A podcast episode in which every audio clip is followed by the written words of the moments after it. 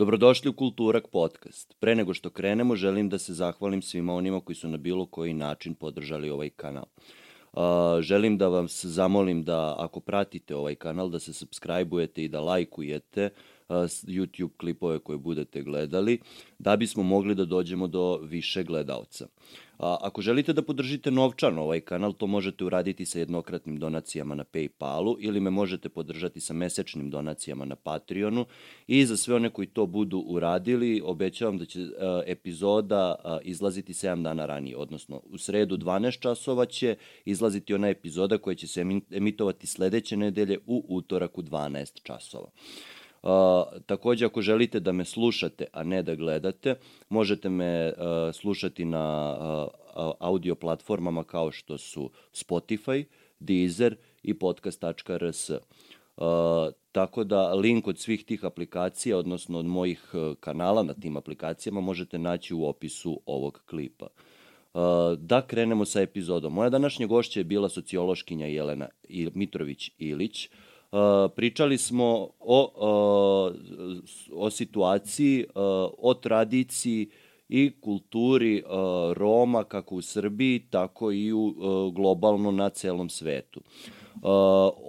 Dotakli smo se njihove socioekonomske situacije, dotakli smo se svakakvih umetničkih njihovih preferenciji, Pričali smo o njenom udruženju Petlja koje je na direktan način pomagalo širenjem romske tradicije, kulture, njihove književnosti, njihovog jezika i tako dalje i tako dalje. Ako želite detaljnije da čujete ovu odnosno da čujete stvari o ovoj temi, pogledajte do kraja ovaj ovaj podcast. Uživajte.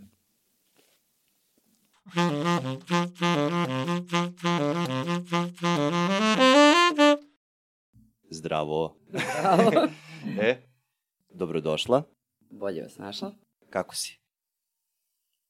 Nije loše. Dobro, za početak da ti se zahvalim što si se odazvala mom pozivu. Inače, ti si osoba koja ima jako velike treme pred uh, javnim nastupima i da. generalno pod, pred pojavljivanje pred kamerom, ajde da kažemo. Mada podcast je više audio format, tako da zamolit ćemo ljude više da nas slušaju. Radila da sam neko gledaju. vreme pred kamerom i danas mi nije jasno kako sam to uspevala, da. Pa dobro, znaš šta, nekako, uh, što, što si duže izvan nje, uh, to se više odvikavaš od da. nje, tako da nekako se vratiš na početak, mm. posle dužeg odsustva. Tako da, seća se ono kad smo ti i ja jednom gostovali u televi, na televiziji, za javnu biblioteku kad jo, smo je reklamirali. Da, da, da, da, da. E, pa, mislim, ono kao, tu se ne zna ko imao veću tremu od nas dvoje u suštini.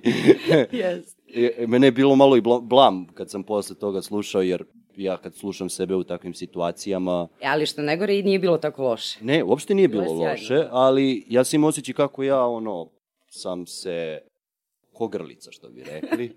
Jeste. Tako da, ne znam, ali uvek imam taj, taj doživljaj kad slušam sebe. Ne znam da li se ti isto tu... Uh... Pa mene čak i iznenadi koliko to deluje opušteno, jer ja valjda znam koliko sam unutra negde stegnuti po tim pritiskom i po tim tremom i onda, znaš, kao kad pogledam, kao, hu, pa ovo da, da ja gledam nekog drugog, ne bi to ni primetila možda. Tako je, pa, zato odmah ono kao otvorimo da čisto ljudi znaju koliko smo Dobro. nervozni. Trema.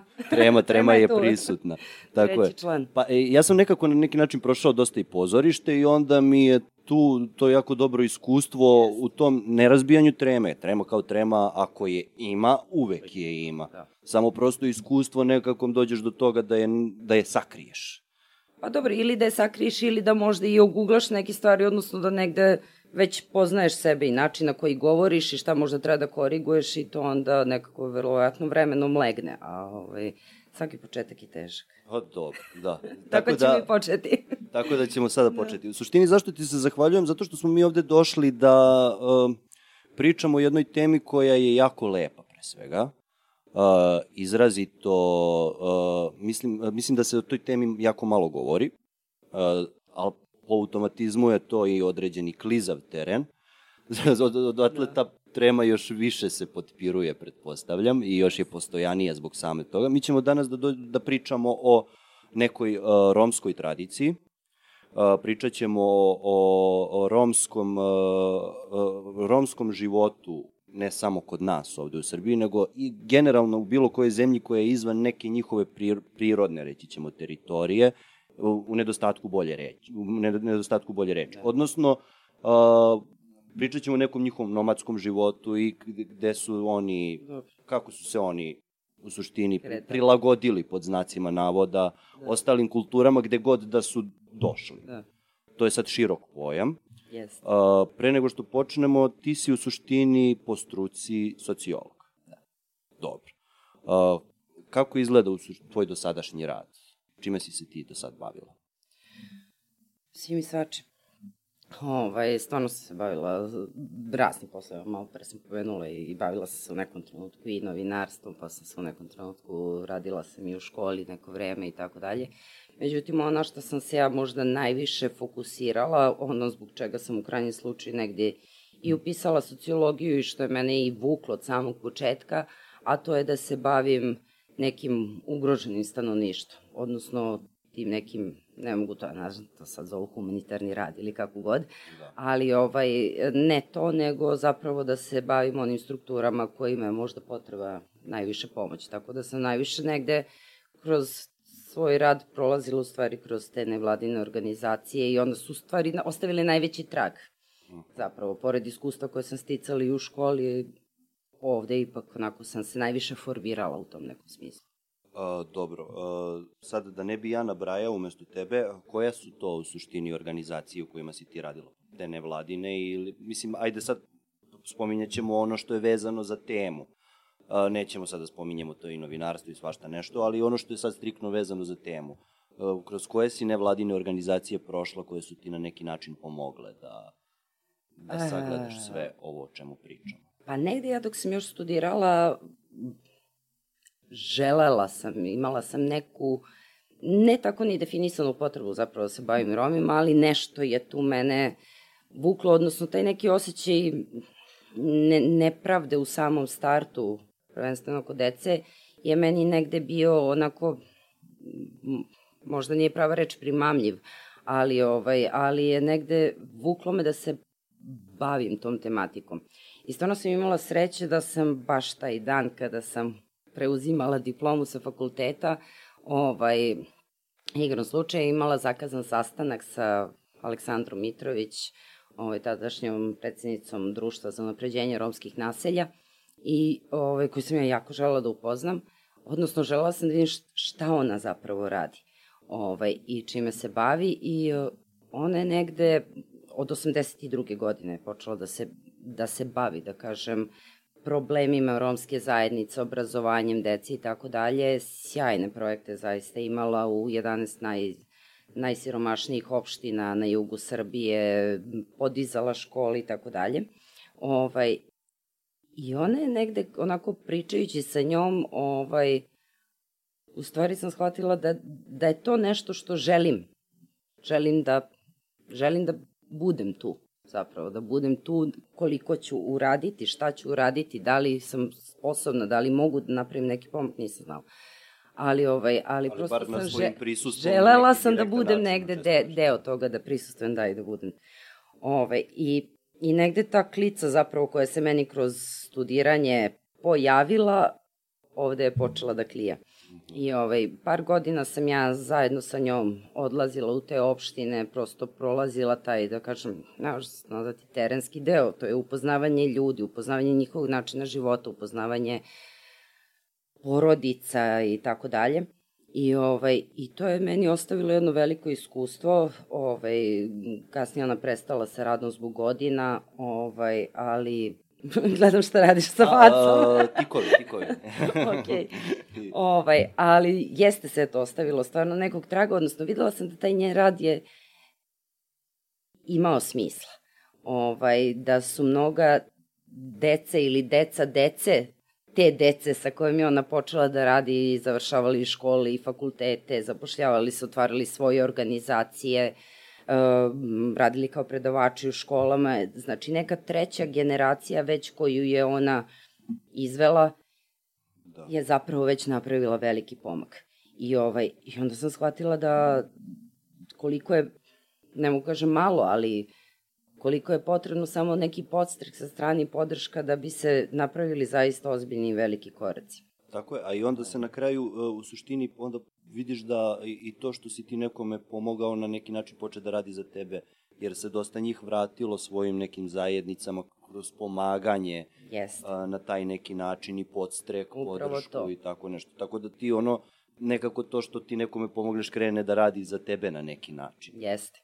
Upravo to, onako, jačanje zajednice, znaš, da deluje onako rousno kad kažeš jačanje zajednice, ali zaista jeste, zaista jeste i to naj, na najbolji mogući način iznutra. Ovaj, da to nije s polja, nego da je upravo iznutra.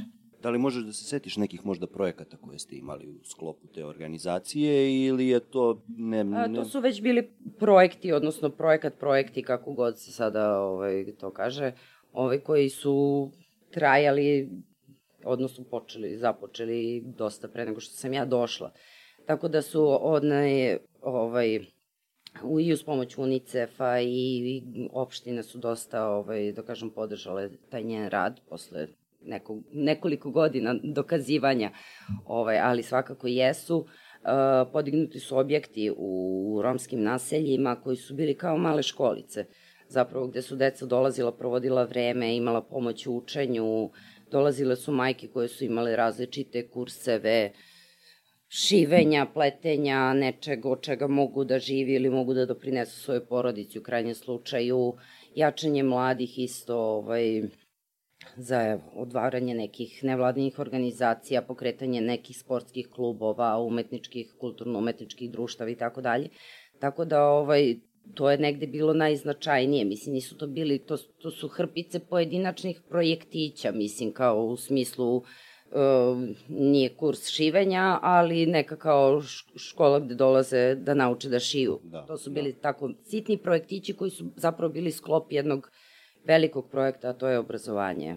Da, pa u suštini ti sagledaš onda ako su to neki sitni projektići i uspevaju da doprinesu, kako bismo mi onda doprineli sa nekom stvarno projektom, što bi rekli, kada bi imali o, kompletan e, sistem iza toga koji je ozbiljniji, da kažemo i više plaćen, jer za sve to su potrebne određene novčane subvencije, kojih ako nema ti se onda snalaziš i krpiš kako znaš i umeš. A ako to uspeš da skrpiš, uspeo si, ako ne uspeš, ništa radiš sa onim što imaš. I ako to donosi rezultate... Pa, da, pitanje sistema, samo sistema, koliko sistem zaista stoji iza tog, da kažem, velikog projekta. Da. Ali dobro, pričat ćemo o tome kroz da, ovo. Da, naravno. Ove, ovaj, Vratit ćemo se da. na to. Uh, ti si posle toga počela da radiš u Zdravo Daste, odnosno, odnosno u Zdravo Da li je to... Zdravo daste. Zdravo da. daste. Zdravo daste, zdravo da. daste. Zdravo daste. Da. Ove, da, počela sam da radim u Zdravo daste, tamo sam provela nekih šest, sedam godina, slagaću. Pa dobro, da. Ovaj, I ta organizacija je zapravo, mm, mm, mm, druga je bila osnova nastanka, odnosno nastale u onom talasu velikom dolaska izbeglica i prvenstveno se bavila pomoću po, pomoću, pomaganju. nije pomoću, pomaganju. Da, da. Okay. Ovaj, pomaganju uh, s, ljudima koji su došli, znači koji su bili smešteni u kolektivne centre i, ovaj, i, o, i ta organizacija stvarno bavila sjajnim stvarima. Ovaj, pomoć deci, mladima, odnosno rad sa decom, rad sa mladima, ovaj, tu su krenule one radionice, ono što mi danas imamo, taj radioničarski rade, to su negde pioniri u svemu tome jesu bili i Vesna Ognjenović i Ljubica Beljanski i oni su negde pokrenuli uopšte i zdravo dasti taj način radioničarskog rada. To nisam znao, vidiš. sa decom, da. Ovaj, Kad je to pokrenulo u suštini? Pa to je krenulo 90-ih. 90. Pa da, te kasnije dolazi zapravo do ekspanzije radionica, sada je sve radioničarski da, rad. Ti sad imaš radionicu na svakom da, ćošku. Da, suštini, da. da. Ove, a ovo su bile psihosocijalne radionice, odnosno kroz, to deluje kao igra, deluje kao jedna oslobađajuća igra, ali zapravo se dosta radi i na nekom samopouzdanju i na uspostavljanju komunikacije među ljudima, na prepoznavanju emocija, na podršci u nekim emocionalnim situacijama, stvarno su zaista bile jako dobre. Te radionice, to je bio i jedan od segmenata, samo znači rad sa decom, postoje rad sa mladima i tu su isto radili sjajne projekte. Mislim, ja sad znam tu priču jer igrom slučaja majka moja je radila 10 godina u zdravo daste kad sam ja bila možda osnovna škola, Da. ovaj, odnosno tad kad je počelo sve 90-ih, posle 90-ih. Tako da si ti imala, Ovaj, tako, tako reći, da od koga i da naslediš nekako. Ne da nasledim, nego sam ja bila dete koje je ona Vaspitavala vukla. Da, da, da. Zapravo, kad god su oni imali neki skup, vrlo često me je vodila, pa sam ja i provodila vreme sa njima i prolazila sve te radionice. Ja sam bila dete učesnik da. svega toga. Tako da kasnije kada sam ja došla na neku drugu poziciju, sad posmatrača, organizatora, voditelja, kako god, mislim, potpuno se onako izmest... mogla sam da osetim to izmeštanje, znači iz jedne uloge u drugu. Ovaj, I to su bili kolektivni centri koji su bili po celoj Srbiji, e, oni su okupljali mladi iz cele Srbije, znači skupe se na jednom mestu svi mladi iz Srbije koji žive po kolektivnim centrima, druže se, uspostavljaju kontakte, mislim oni su kasnije kumovali jedni drugima bez obzira što su bili smešteni u različite gradovi i tako dalje. Stvarno je napravila jednu dobru mrežu. Ovaj, odlasci u muzeje, pozorišne predstave, sve to bilo organizovano. Postojali su rad sa starijima, odnosno sa starijim ženama, etno program kog sam ja kasnije bila i koordinator par godina. Ovaj, isto su to, da kažem, ostali neki ostaci od tada, neke male grupe žena koje su i dalje eh, radile ručne radove, prodavale, organizacija je bila ta koja im je organizovala materijal da dobiju kao donaciju, a onda su one prodavale, vraćaju se taj novac i oni su prosto u nekom trenutku od svega toga i živeli. Mislim, tu je bilo hiljadu sitnih projektića.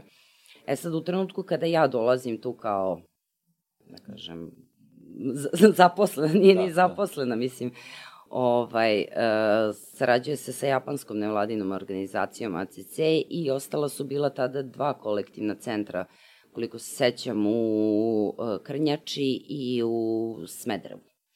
Ovaj, e, ono što, što sam ja tada, da kažem, zatekla, to je u stvari da, da su to ostali ljudi koji su i dalje živeli u kolektivnom centru i dalje to su one barake, radničke barake, imali smo prilike, ako ne na filmu, da vidimo sa zajedničkim kupatilom gde svi dolaze da se kupaju, operu veš i tako dalje. To su male sobice sa jednom malom kuhinjicom gde živi cela porodica. I otprilike tu sam se opet negde susretala u najvećoj meri sa Romima, jer ovaj, to su već sada bili raseljena lica sa Kosova, ovaj, koji se prosto nisu snašli, koji nisu imali neko rešeno stambeno pitanje, nisu imali stalno zaposlenje i tako dalje. Oni su ostali u tim kolektivnim centrima, znači do neke 2017. 18. boga mi, 17. ili 18. sad slagaću, kada su im izgradili opet socijalne kuće, odnosno to neko ovaj, gde su se oni preselili. Ali mi smo nastavili da radimo sa njima. Tako da i tu negde na neki posredan način sam zapravo se bavila, odnosno prolazila kroz te neke svakodnevne probleme koje romska deca imaju, što u obrazovanju, što u sredini u kojoj žive, prihvatanje od okolini i tako dalje. Dobro. Posle toga si, Posle toga, posle toga je došao tvoje udruženje koje Da. se zove Petlja. da. Dobro, kako si došla na ideju da osnuješ sobstveno udruženje? Pa, nažalost, i Aleksandra Mitrović je preminula, jako brzo je i Vesna Ognjenović preminula i ta dva udruženja, da kažem, u kojima sam ja bila, učila, radila, sakupljala neko, neko iskustvo i znanje su se polako gasila i ovaj i negde sam i od Čijeko, Japanke koja je vodila tu ne, japansku nevladinu organizaciju, ovaj, sarađivala sa Zdravo da ste dobila ogromnu neku podršku u smislu da bi možda trebalo ja da pokrenem nešto svoje, jer dosta tih nekih ideja sam ja unosila, imala sam dosta nekih ovaj, prosto ideja kako mogu neke stvari da se radi i kako treba da se rade sa druge strane, imala sam to iskustvo, imala sam to zapravo divno iskustvo, sam radila sa divnim ljudima. Danas kada kažemo nevladina organizacija, neka mi je i neprijatno da kažem nevladina organizacija kao Petlja ima svoje udruženje ili nevladinu organizaciju, jer sve više se vezuje za za neku korupciju, za neke projekte, neko pranje novca ili tako dalje. Dobija baš ono što u naslovu kaže da nije. da, razumeš, na da, da, upravo sve više imamo asocijaciju na, na ono što je suprotno od onoga što bi trebalo da tako. bude. A ja sam opet, kažem, imala sreće da zaista, ono, hilja puta sam rekla, u, u tom udruženju Zdravo da ste, ja sam doživjela da nikad u životu nisam upoznala toliko divnih ljudi na gomili ovaj, koji zaista su imali potrebu da, da pružaju deci nešto. Ne, koji nisu to videli kao posao, koji nisu, nije postojalo radno vreme, nije postojalo nešto što je teško uraditi za to. E, u tom smislu sam imala to neko, ovaj, taj neki, to neko iskustvo ovaj, i ona me tu negde podržala da bi možda trebala sama da krenem i zapravo To je bio možda jedan razlog, drugi razlog je bila ta neka dvojezična predstava koju je mali Perica zamislio. ja sam zamislila da ću napraviti neku dvojezičnu predstavu koja će zapravo da prikaže i, i, i njihov način života, probleme sa kojim se susreću, ali ono što je najvažnije, kulturu.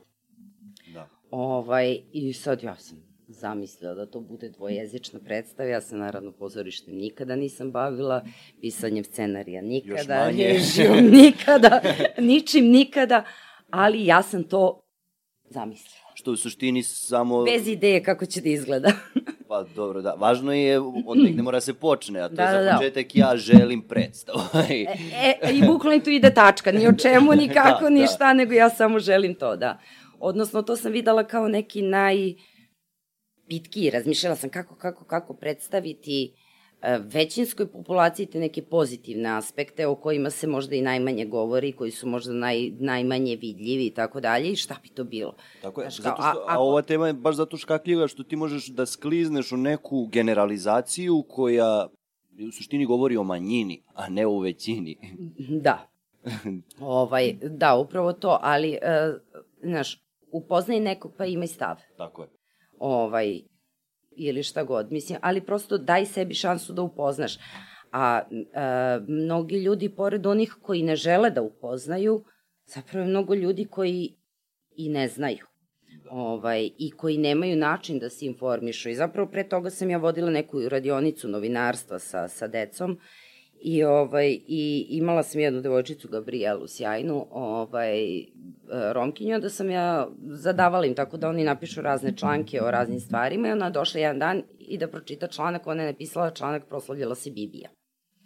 I sad ove ostale devojčice koje su tu sedele kažu, a ko je Bibija, šta je Bibija? I onda, pa nismo znali, pa nismo znali, pa, pa im bilo zanimljivo. I onda ja shvatim da u stvari deca ne znaju. Da ne samo deca, nego da, da generalno, ljudi, generalno ne ljudi ne znaju. I sad koji je način zapravo da ti ponukaš ljude da, da, da vide, da čuju. Znaš, ako napišeš tekst, da, da li će ko će i dokoliko čitati, mislim, ako, ovaj, ako počneš da pričaš o tome koliko će ko slušati. A predstave negde najpitkija po meni, u smislu predstava film, jer imaš i vizualni doživlje i audio doživlja i nešto se dešava, nešto, nešto je živo ispred tebe, drži pažnju.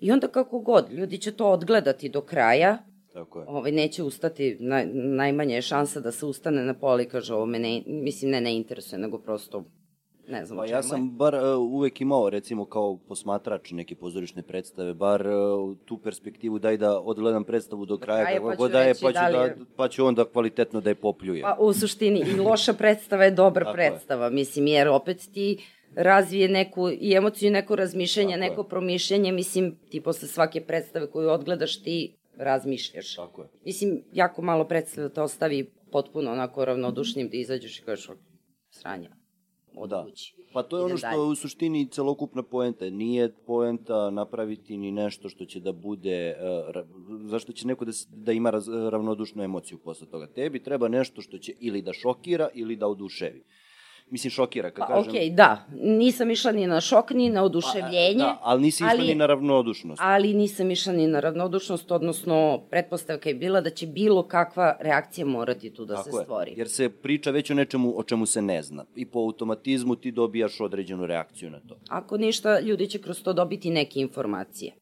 Tako je. Elementarne, elementarne, ali će dobiti informacije. I, ove, I tako je Perica zamislio da, da, da, da napravi predstavu i sad ja sam krenula tako da sad okupljam glumce. Ja se izvinjam, samo moram da objasnim ovaj šum u pozadini, imam komšiju koji sluša muziku gore na nekim bas binovima, ne znam Daj, šta bar je. da tražimo da bude muzika u skladu sa Da temom. da, to je bilo sjajno. da, da. I? Ovaj, I krenula sam da tražim glumce i Dragana, prva devojka koja ovaj, s- sa kojom sam stupila u kontakt, ona je tada imala 22-3 godine i ona kaže, a o čemu će predstav da govori? Ja kažem, ne znam. Ona kaže, a gde ćemo da izvedemo? Ja kažem, ne znam. A od čega, mislim, kako, gde, gde ćemo da vežbamo? Ja kažem, ne znam. Rekao, ako ne dobijemo prostor, radit ćemo u mojoj sobi na trgu, ne znam ja, ali ja ću je napraviti. Kao, okej, okay, krećemo.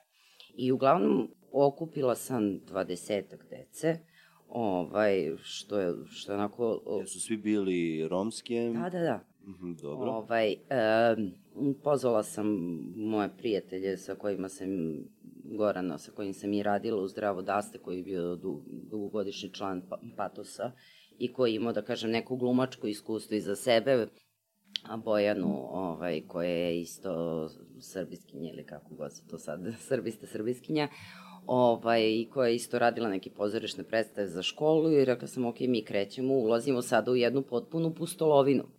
Ovaj, to su deca bila od trećeg, četvrtog razreda osnovne škole pa do Dragane jedine koja je prešla 20 godina. Znači od to su- 11 do 20 godina. otprilike. Otprilike, da.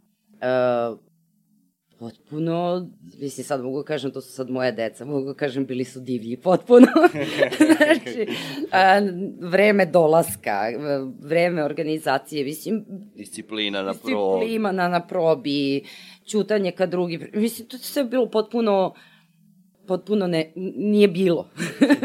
nije bilo jer nije postojala. Da. To Ovaj, je ta čar rada sa To decom i na dečijim predstavama. Ti Da. si to otkrila malo nekako na teži način. možda. Jesam, pa dobro, ja, ovaj, ja sam dugo bežala i tada kada sam studirala, ja sam bila u samo da ne radim u školi i da ne radim sa decom.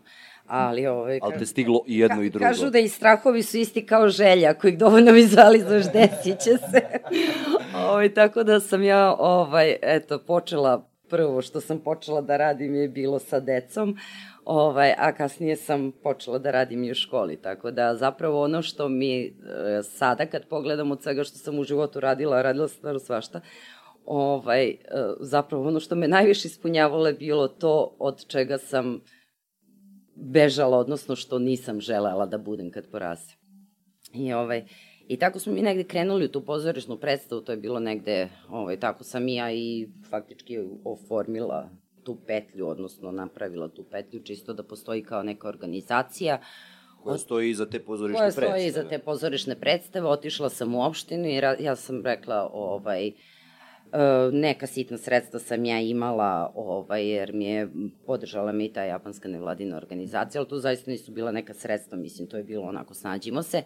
I ja sam došla i rekla, ok, imam za materijal, ali meni treba prostor, oni su rekli, dobro, evo ti prostor. I zaista ja sam to, valjda sam ja tako nastupila, da ću ja to uraditi, pa ako ne bude opština dala prostor, ja ću to uraditi u hol opštine ili ispred opštine. Mislim, valjda je moj nastup bio takav. Ovaj, dobro, Zoran je bio tu stvarno sa kojim, sa koga tada ja nisam poznavala, uh, Janković, ovaj, isto uopšte koga nisam poznavala. Ja sam uglavnom samo zakazala sastanak, došla i ispričala što hoću. I ovaj, oni su rekli, ok, imaš prostor, ovaj, kada ti treba, koliko ti treba. I ovaj, tu je krenulo okupljanje. I stvarno sam tu, sa te strane sam stvarno dobila neku onako podršku na blanko. Ja nisam pre toga imala ni jedan projekat. Ja sam došla i zamislila sam da radim pozorišnu predstavu sa romskom decom o romskoj kulturi. Oni su rekli, ok, evo ti prostor u Domu kulture. Mislim, Da, da. znaš, malo, malo sada iz ove perspektive, ne znam da li bi bez ikakve zaleđine baš tako nastupila. da. Ovaj, I mi smo krenuli da radimo, to je bio znači neki oktobar 2018. Da bi nek, negde u, u 8. aprila je bila zakazana pozorišna predstava, 8. april, Međunarodni dan Roma, ovaj, da bi mi negde, pa tek u januaru, februaru, ja otprilike počela da razmišljam o scenariju. Ali do tada smo mi radili sa decom, znači i glumu i priču, dolazili su roditelji, pričali o svojim običajima i o načinu života i tako dalje. I tu je u stvari, tu su se otvorila sva ta vrata gde sam, u stvari ja sam učila. Ja sam došla da učim, ja nisam znala, nego sam došla da naučim i da samo to negde oblikujem. A zapravo se desilo da su oni oblikovali sve to i da ovaj, ja sam samo jednu noć napisala nešto što se zvalo scenario, ovaj, na osnovu svih tih njihovih priča i kako se, ko je Bibija i kako se, na koji način se proslavlja Vasilica, kako se proslavlja, uh, oni su to meni izvodili na sceni da bi mi pokazali. Ovaj, onda uh, o romskom sudu ja tada nisam mnogo znala, postojalo nešto što sam ja čitala, ali oni su mi došlo su deca čiji roditelji su bili uključeni, odnosno učestvovali u tom romskom sudu, pa su mi prepričavali i to, ovaj, čak su i bake dolazile na te naše probe, mislim, ili kako god se zovu, i pričale neka svoja životna iskustva i o uda, i o ranoj uda, i ženitbi, i o zabrani tih brakova ovaj, između čak i, i među samim Romima u zavisnosti od pripadnosti plemenu. Ovaj, I tako da sve te neke stvari vezano za njihovu kulturu ja sam zapravo sa njima učila i od njih saznavala da tu i, i ne postoji neka pravilnost, ali da i postoji neka pravilnost. Ovaj, to je bilo sve... zavisi od prilike, od uh, mislim plemena do plemena ne, i od prosto, mesta gde se nalaze. Ne, uh, prosto zavisi kao i kod nas, od nekog podneblja. Aha. E, ono što je vezano, ono što je, znači, najviše, naj, najteže i najneukvatljivije je zapravo u svemu tome što ne postoje izvori, vrlo je malo izvora i jako je teško doći do njih. E, ne postoji pisani, u poslednjih godina se javljaju sve više neki pisani tekstovi, romski pisci koji pišu o svojoj kulturi i tako dalje, ali u suštini e, dve su stvari. E, njihovo putovanje – i prolaženje kroz razne zemlje i usvajanje različitih kultura i lepljenje na svoje neke, da kažem, i paganske običaje ovaj, i formiranje neke potpuno nove, nove kulture koja je zapravo miks ovaj, sa jedne strane, a sa druge strane nepostojanje bilo kakvog zapisa i nepostojanje nikakve institucije koja stoji za svega toga. Ovaj, I tu se onda gubi trag zapravo. Je. Meni je, na primjer, bilo fascinantno kada smo ti ja radili neku, ajde reći ćemo, pripremu za ovo, uh, da si ti meni rekla da ti imaš više knjiga o tome nego, nego naša biblioteka ovde u Obrenovcu, da ti malte ne da nisi ni jednu knjigu uspela da nađeš. Sada da, sada se proširilo u smislu neke poezije, ovaj, ima dosta knjiga Zlatomira Jovanovića koji je tu, da kažem, naš meštanin, pa i on je negde, da kažem, doprinao ovaj, punjenju biblioteke, ali da, imam dve ozbiljne police knjiga i romskih pisaca i o Romima, tako da ovaj, i pored sve te moje literature, ja sam se jako teško snalazila, pričat ćemo posle i kroz neki sledeći ovaj projekat gde sam se s tim susretala. Uglavnom, ovaj, eh, to je predstava bila koja je trebala upravo da prikaže i položaj, uh, te dece i, ovaj, i, i ono što su pozitivni aspekti te njihove kulture i tradicije, koliko god da je ona, uh, ružna je reč asimilacija. Tako. Ali uh, prosto, nedostatku prosto, bolje ali je prosto prirodan proces. Ako živiš na nekom prostoru, prosto ovaj, je prirodan proces da se negde ljudi asimiluju, odnosno da se neka manja grupa asimiluje i da prihvati neke običaje i jezik. Ali ovaj, recimo ono što je problem što jako malo literatura ima na romskom jeziku. I, ovaj, I o tome ćemo pričati posle. da. Pa, ono što je mene u suštini motivisalo, da. izvini sad, uh mhm. -huh. ono što je mene motivisalo jeste uh, knjiga od jednog hrvatskog uh, pisca koji se zove Kristijan Novak, koja se zove decidno Ciganin, ali najlepši, on je sam pričao o tome kako je pesma, ja mislim, Ljube Aličića ga motivisala da tako, gde govori o toj nekoj ljubavi između pripadnika romske nacionalne manjine i u tom trenutku Hrva, Hrvatice iz Međumorja, koja je nailazila na koje kakve prepreke i svašta nešto, mislim sada ja ne spojilujem knjigu, i ta knjiga me na neki način motivisala da ja uđem u istraživanje celokupne te teme, jer ja sam tu shvatio koliko ja u stvari ne znam ništa. Da. Ja ni sad ne znam ništa, mislim, ovaj razgovor se i vodi u domenu toga da, da, ja polazim iz toga, ja o ovoj temi ne znam puno, pa ćemo da navodimo tebe da ti što više pričaš o tome, A, odnosno da. da me uputiš kako mene, tako i ljude koji slušaju ovo, razumeš? A, pa dobro, ja prvo moram da kažem da ja nisam uh, poznavalac romske kulture i, i, i ni umetnosti, a ni uopšte stila života i tako, tako dalje u potpunosti, mislim u potpunosti. Ja sam pionir, ja sam tek tako zagrebala. Je, tako je. Ovaj, ja, ja učim. Tako je, ali ovaj. si u suštini imala bliskih kontakta sa njima i možeš iz nekog svog iskustva u radu sa što njihovom decom, što ljudima koji su već godinama tu i koji imaju određene godine, uh, imaš iskustva rada sa njima, komunikacijom, imaš, videla si na neki način njihov stil života i neko njihovo prilagođavanje da. celokupnom sistemu življenja ovde. Pa da, moglo bi se reći da možda malo više znam od prosečnog građanina, ali isto tako, nažalost, bi se moglo reći da možda malo više znam i od prosečnog romskog učenika. Tako. Ovaj, jer i, i kroz to sam se ovaj, susretala, onako imala sam neke malo, ne znaju himnu svoju, ne znaju kako im izgleda zastav, zapravo ne znaju odakle potiču.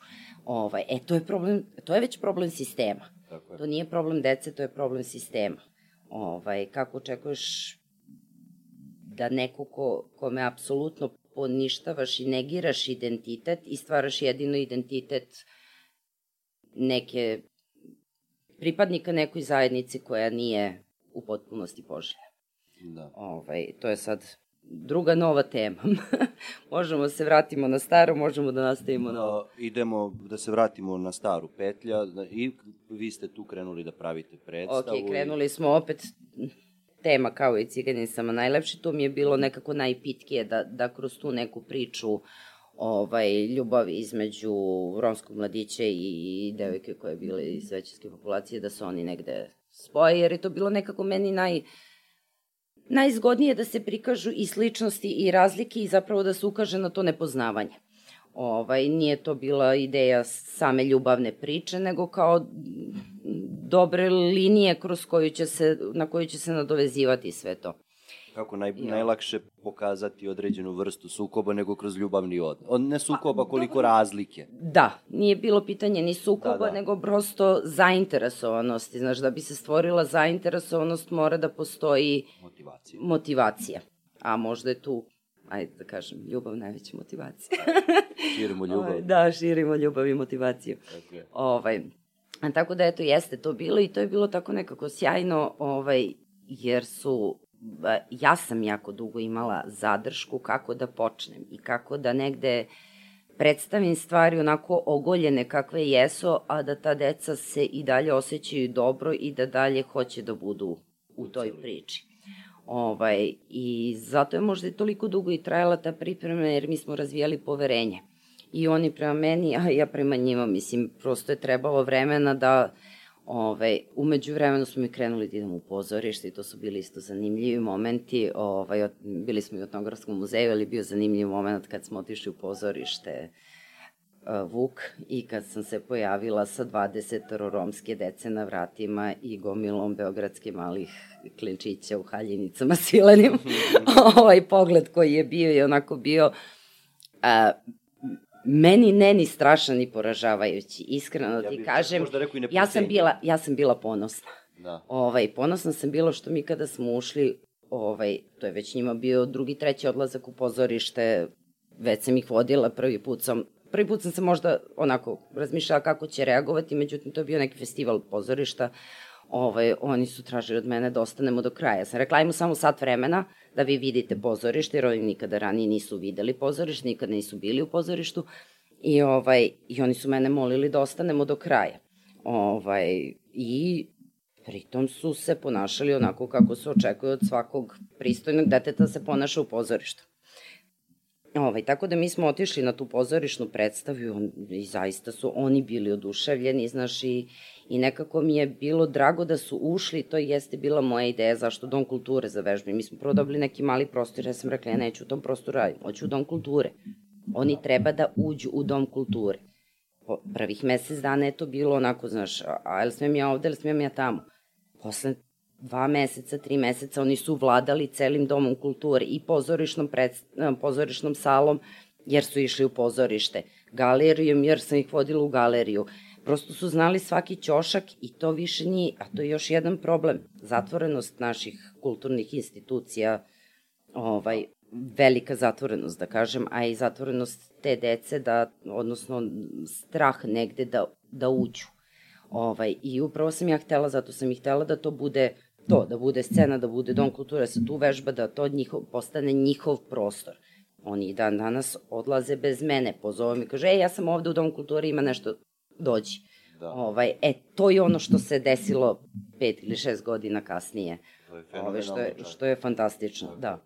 A, jesi, e, i sad vi ste uspeli na kraju da realizujete tu predstavu? Uspeli smo da realizujemo predstavu, e, bio je zanimljiv taj jedan deo, kad smo kod dvojezične predstave Vasilica i sada to je praznik koji ovaj, proslavljaju Romi na određeni način i, ovaj, i ja kažem, dobro, kako ćemo sada to?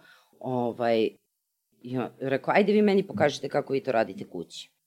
I oni sa, stanu i sve mi pokažu na sceni kako rade to kod kuće i sa sve govorom na romskom, njihovim međusobnim, jer govore svi isti romski. I ovaj, ja kažem savršeno. Rekao, jedini moj uslov nema psovke. Znači, ja ovaj tekst ne razumem. Vi ste sada uradili ono što radite kući i kako vi slavite sa svojim roditeljima, to je to. I to je, potpuno su oni, znači ta scena kada dođe, ja se pomerim i kažem, ok, sad ovo vi vodite, jedini uslov je da nema psovanja na sceni. ovaj, jer su deca, stvarno su bili deca tada. I ovaj, I to je onako i meni negde drago da je postavio taj jedan segment te predstave koji ni ja nisam razumela. Ovaj, I koji sam i ja morala da shvatim iz nekog konteksta. Da, prepričali su oni meni, rekli su oni meni kako sve to funkcioniše, ali ono, stojiš i slušaš neki jezik koji potpuno ne razumeš u nečemu što radiš, znaš. I to je bio jedan onako baš zanimljiv moment u toj predstavi. I mogu ti reći, dosta ljudi je stvarno došlo na tu predstavu, cela ta mala sala je bila ne popunjena, nego prepunjena i stajali su ljudi, čak su neki moji prijatelji se vraćali i gledali kroz prozor i tako dalje. Ovaj, I bila je dobra reakcija. Stvarno je bila dobra reakcija, ali sad nije bitna meni reakcija, meni je bila reakcija te dece bitna oni su izašli i izneli su nešto i ovaj predstavili su nešto dobro ovaj, ljudima koji su tu došli da, da gledaju.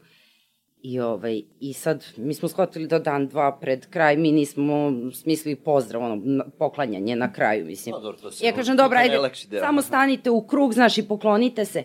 I oni su se uhvatili u krug i stali i počeli spontano potpuno da viču cigani, cigani, cigani. To se orilo. Ali znaš ti sa kojim je to bilo onako, odnosno onda su se vratili, onda su plakali, tresli su se, kako su uopšte oni to izneli i kako su uopšte, evo sad sježem. ovaj, e, tu je bio možda najveći, to je u stvari bio, nije, nije, nije bitna predstava, nije bitno ništa što se tu desilo, bitan je taj njihov osjećaj kad su oni došli, pobedili su sebe, pobedili su predrasude prema sebi, pobedili su, pokazali su. Oni su se pokazali, neko ih je gledao, neko je aplaudirao, neko je to pratio, ono što oni rade. E, to je meni bilo najvažnije, to što su taj osjećaj njihov koji su oni doživeli, a dva dana pre toga bilo ja to ne mogu, ja odustajem, da, da. ja, što, mislim što je okej okay, i klasika kod dece, mislim uopšte, ali, ovaj, ali taj ponos sa kojim su oni i ta energija sa kojom su oni posle toga izašli sa te predstave, to je ono što je meni bio zapravo najveći uspeh, ni, ni broj ljudi, ni, ni aplauz, niti bilo šta, nego taj njihov Pa što u suštini osjećaj. govori da a, samo pristupačnost a, institucijama a, napravi veliku razliku, a onda to implicira sa neke druge strane koliko je njima to u stvari pristupačno. A, pa ne radi se ni o pristupačnosti, radi se zapravo o tome neko, neko će mi dati vreme da kažem nešto. Tako je. Znaš, i to je taj osjećaj da su oni nešto uradili, nešto su uradili za sebe, za svoju zajednicu Mislim, nije to kod njih ni, ni, ni, ni jasno definisano, niti u prvom planu svesnosti. Ali sam taj osjećaj, znaš, već sledeću stvar kada smo radili, već su se pozivali na to. Ma ono kad smo onu predstavu istarali, sad možemo sve. Tako je. E, to je taj osjećaj koji oni ne dobijaju ni kroz obrazovanje, ne dobijaju u Dobro. mnogim aspektima. Uhvatit društva. ćemo se i Uhvatit toga. se. A, šta ste, on, jeste imali još dalje projekata posle toga? E, imali smo, sledeće je bilo ovaj, upravo izložba ovaj, izložba, izložba romske kulture, mislim što potpuno ludački zvuči. Ovaj, da, predstava se zvala u mom domu, a ovo se zvalo Upoznajmo se. Ovaj, um, I e, tu, tu, tu sam zapravo došla do te najveće kvaki, najvećeg, da kažem, straha i susretanja sa svojim nekim neznanjem.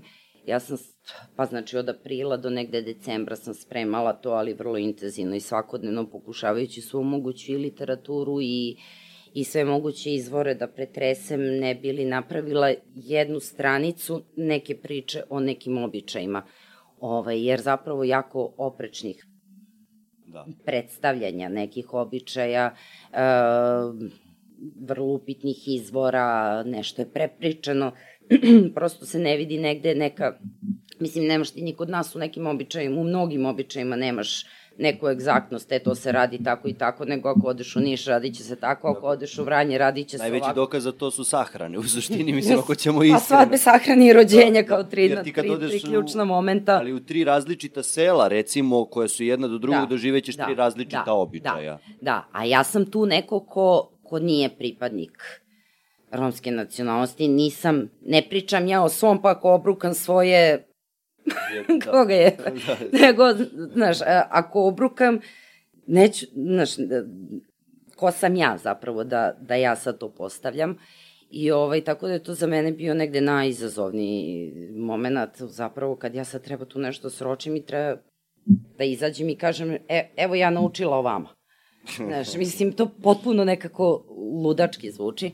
Ovaj, I uh, ta izložba je bila ovaj, uh, zajednička i sa, ovaj, uh, sa Muzejem romske kulture. Uh, profesor dr. Drago Ljubacković je doneo deo svoje postavke iz muzeja i ovaj, zapravo to je bila zajednička izložba i on je naravno došao. Ovaj, pretpostavljam da svi znaju etnolog, politikolog, književnik i ovaj, zaista jedan ovaj, onako vrlo svestran čovek. Ovaj, I on je došao i ja, ja sam tad imala užasnu tremu, ako došao do tih mojih, to su bili postavljeni tekstovi sa raznim pričama, ok, priče su bile uglavnom o brenovačkim romima, ovaj, fotografije i bili su ti tekstovi o, o običajima. I, ovaj, I on je došao, pogledao prvi i rekao, slovna greška. Ja sam, znači, izgubila. Trans. Međutim, prošao je sve, sve uredno pročitao od početka do kraja i rekao koliko se vi dugo bavite ovim. Ja kažem pa godinu dana. Kaže svaka čast. I, ovaj, I tako da je to bio jedan deo mog ponosa. E, a druga stvar koja je tu jako važna bila, a, moj neki koncept cele te izložbe je bio da tu bude i recitatorski deo. I onda sam ja tu malo istraživala, ovaj, neke pesnike sam znala, nešto sam imala kuće od knjiga od romske poezije, ali sam tražila nešto što će biti najprikladnije da ta opet moja deca to odrecituju, opet naravno dvojezično.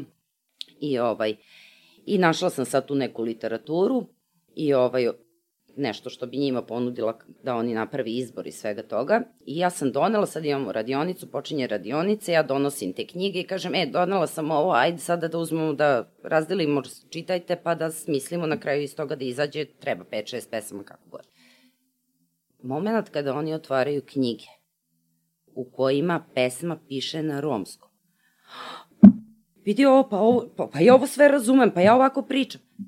Znači, to je bio njihov šok, to su, znači, deca, rekla sam, u četvrtog, petog razreda, pa do srednje škole, ovaj, prvi put susretanje sa svojim jezikom, koji je Sa pismom svog. sa svojim pismom, zapravo da, ne sa jezikom, nego sa da. pismom, koje je otkucano, odštampano, ukoričeno i to je knjiga. Znaš, to postoji u knjizi. To je go- govor koji oni koriste interno u kući i za koji nemaju osjećaj da postoji bilo gde osim u njiho, van njihove neke najuže zajednice. U školi se ne govori, u svim ostalim ustanovama se ne govori, znači to je faktički neki njihov osjećaj nekog internog jezika. Ne maternjeg, nego internog. Da. I odjednom oni susreću se sa tim jezikom koji je ovaj, na kom se piše i na kom postoje pesme, i to divne pesme, stvarno. I ovaj, kogod se bavi, ovaj, predlažem da, da, pa znam da je meni da se, da. naša zajednička drugarica, inače Dunja, uh -huh. uh, pričala o nekim pesnicima i da smo mi nešto čitali, sad to je bilo prevedeno na, na srpski, reći ću tako, jezik, uh, gde je to bila, stvarno po mom nekom mišljenju, fenomenalna poezija.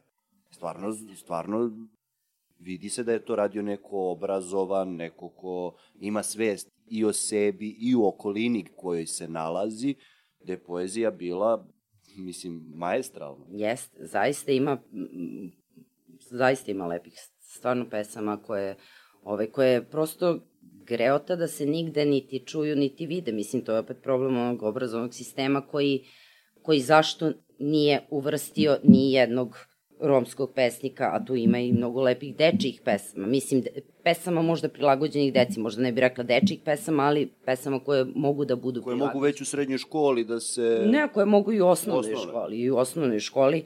Ovaj, zašto ne? Da. Zašto ne? A to je ono pitanje dobrodošlice. Znaš, da li, kolika je dobrodošlica u školi?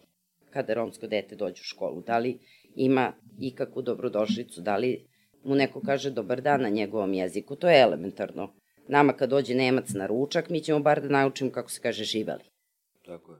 A ovde nećemo da naučimo ni kako se kaže dobar dan ili dobrodošao ili bilo šta. Bilo šta. E, tu je najveći problem. U stvari, e, zato se sve ovo i vrtalo oko toga da se prikaže.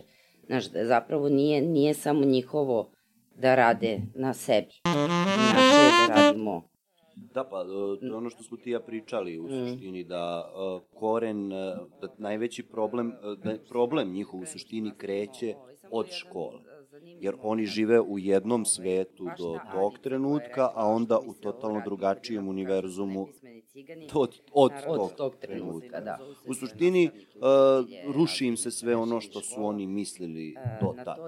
Kako je tvoje neko, pa sad, ajde, ne možemo kažemo ni iskustvo više, mislim, iskustvo ljudi sa kojima, odnosno decom, de, iskustvo dece sa kojima si radila i uh, tvoje neko viđenje celokupne te situacije. Ne, evo sad smo ispričala. Da, pa, kad pričamo neko iskustvo, mislim, mi smo da, pričali, dovoljno smo se, da kažem, negdje otvorili, da su mi ovaj, pričali neke svoje bliže samo škole. Malo. U još jedan podstrek i to je još Anica jedan... koja je bilo onako najveći Još jedan aplauz za nju. A danas najodgovorniji od svih njih možda. Da su uradili nešto. Ovaj, je jednom trenutku oko ovaj, bacila one papire i rekla zašto mi uopšte ovo radimo kad jednako kažu i ciganiste otvaranje njihovih knjiga. A onda je ova druga kaže ja sam pustila da oni negde to je zapravo da mene sami iskomuniciraju na, na, na ovaj, nešto treće. Kaže, Pa da, ali kako će da kaže lepo, što da. je urađeno. Upravo to, ako tome, i a to je bila uh, romski kutak projekat Romski nikad neće moći ti kaže od ministarstva uh, kulture. Ali to je onaj moment koji oni doživljavaju ideja da u Obrenovcu. Znaš, smiri se, ali treba na cigansku. Radim i delama. To je stav nastavnik. Ima dosta Roma. To je ono i u školama i u sistemu, znači od samog ovaj, da se donira svakoj školi nekih ovaj, desetak knjiga koje su o ovaj, Romima i na romskom, o Romima od romskih pisaca, naravno. I, ovaj, i tu Ta, tu je bila ideja, znači, otvaranje jednog romskog kutka u biblioteci, ovaj, sa jedne strane, sa druge strane neka vrsta predavanja, odnosno neke pričice o romskoj kulturi deci. Ovaj, I zanimljivo je recimo što, što i mnoga ta romska deca koja su bila u školama, e, mnogi stvari nisu znali. Nisu znali da je Đelem Đelem himna, recimo, što je jako zanimljivo. Ovaj, nisu znali za zastavu, nisu znali kako izgleda zastava, nisu znali da vode poreklo iz Indije. I, ovaj, I tu se onda postavlja jedno veliko pitanje, a zašto zaista učimo o svim ostalim narodima ok, zašto učimo ostalim narodima, ali zašto se nigde i romski narod ne pominje na bilo koji način? Zašto je on izostavljen iz celokupnog zašto je izostavljen iz obrazovnog sistema? Iz sistema sa jedne strane ili zašto su uopšte sa decom ni neformalno ne razgovara o tome? Znaš, zaš, zašto prosto ne znamo ništa u kulturi drugara iz klupe? Tako je. Ovaj, I načinu života, problemima sa kojima se susreću, a pogotovo ne, ne znamo ništa o tim nekim pozitivnim aspektima, stvarno lepim izvorima njihove kulture, mislim, i, i legendama i pričicama i tako dalje. Da. I kako se realizovao taj projekat u suštini, je li uspelo? Pa mislim, uspelo. jeste, u stvari jeste uspelo. Uspelo je u smislu da sledeći put kada smo ovaj, organizovali proslavu Dana Roma, ovaj, ideja je bila da opet, to možda jeste bilo negde, da kažem, mm, ponavljanje, odnosno ponavljanje oblika programa, u smislu da smo opet radili neki recitatorski deo, ali sada su bile škole pozvane da one učestvuju. Ovaj, opština je raspisala konkurs, literarni konkurs sa temom ovaj, e, život Roma. I, ovaj, i, a pozvani su škole da učestvuju tako što će sada iz te literature svaka škola pronaći neki tekst koji će ili na srpskom ili dvojezičnom, ako su mogućnosti, da, ovaj, da odrecituju. I ono što je bilo super je da su se zapravo prijavilo dosta deci iz većinske populacije koje su htela i u krajnjem slučaju bila podržana od strane roditelja ovaj, da učestvuju u programu proslave Međunarodnog dana Roma, koji je negde se gleda kao rezervisan samo za Rome, da kažem, ovaj, i oni su hteli da budu učesnici i bili su učesnici i stvarno su to sjajno iznali, odnosno tu su bile ovaj, sva ta deca koja su zajedno iznala taj program. Odlično, da. Ove, što negde jeste pomak, nije mnogo urađeno, nije se mnogo radilo na tome, ali i eto ta mala neka stvarčica, da kažem, pomerila možda nešto. Ovo da... mora da se krene nekim manjim koracima Absolut. da bismo mogli da dođemo Absolut. do nekog uh, većeg rezultata, jer uh, mislim, uvek od nečeg treba krenuti. Uh, tako da bolje krenuti sa manjim pa, koracima, nego ne krenuti nikako. Pomeriti i jedno Tako dete je. Mislim, je već velika stvar. Ono da. što, je, što si rekla, a to je jedna jako važna stvar, iz većinske populacije deca su bila podržana od strane roditelja da dođu i da pomognu i da budu da prisustuju proslavi. Ne da prisustuju, da učestvuju, da učestvuju nose da. taj program, da. Tako je. A, to znači da mnogo toga u sistemu zavisi i od roditelja i od načina vaspitavanja dece iz Absolut. većinske populacije. Mislim, ja sam tebi to već pričao o nekim stvarima, moji roditelji su uvek govorili jednu ilozornu stvar koja bi trebalo nekako da se podrazumeva, to je pa da, i on je isto što i ti, mislim, ali kao ti dođeš u situaciju da ne pričaju svi roditelji tome i da čak naprotiv, da se ta deca diskriminišu, diskredituju, omalovažavaju, svašta nešto od strane roditelja i to na neki način deca upijaju. Mislim, svi se ponašaju po modelu, to je, mislim, da. već psihološka neka stvar, ali ako ti imaš u kući taj model ponašanja, da se ta, ta kultura poštuje, ce, mislim, ceni, da ih posmatraš na identičan način kao i sebe, kada bi svi to tako radili, onda bi bilo mnogo Absolutno, lakše svima. sistem vrednosti prvo kreće i usvaja se u kući. Tako je. Sledeći izvor je zapravo škola. Sledeći izvor su vršnjaci. Tako znači, on, ono što dobijemo od kuće, ono što nam škola kroz svoj obrazovni sistem pruži i ono što doživljavamo u toj grupi u koju uđemo, to je ono što formira to neko naše prvo mišljenje i, i, i viđenje sveta. Da. Ove, ovaj, tako da jeste jako važno i odnos roditelja, odnosno koliko zapravo podrška postoji od roditelja sa te strane. Tako je. Pa dobro, uh, sad u suštini, uh, što se tiče tog nekog sistema, kakva su iskustva te dece sa kojima si ti radila i kako je neko tvoje viđenje svega toga, ajde da kažemo, mislim... A, pa ta, ta problematika s, sa obrazovnim sistemom, mislim, ona je više slojna zapravo. Ovaj, ono što se dešava kod nas nekih, da kažem, 50-ih, 60-ih posle rata, zapravo možemo da počnemo da to je nekoj genezi uopšte i dolasku Roma na ove prostore koji dolaze zapravo sa Turcima i dolaze ovaj dolaze kao zanatlije i naseljavaju se po krajevima naselja kao zanatlije koje su potrebne u tom trenutku Turcima. Kad se Turci povlače, oni ostaju i ostaju potrebni ti njihovi zanati. Međutim, u nekom trenutku dolazi do prestanka potrebe za tim zanatima i oni zapravo ostaju negde izdvojeni u nekoj vrsti geta ovaj, u odnosu na većinsku populaciju i kod nas dolazi do jedne ekspanzije obrazovanja, negde kad 50-ih, 60-ih otprilike, ovaj, gde počinju ljudi masovnije da se obrazuju, odnosno već 60-ih postoje obavezno osnovno obrazovanje, međutim oni se tu negde nisu ukačili, da kažem, odnosno nisu odmah u tom trenutku ušli u sistem.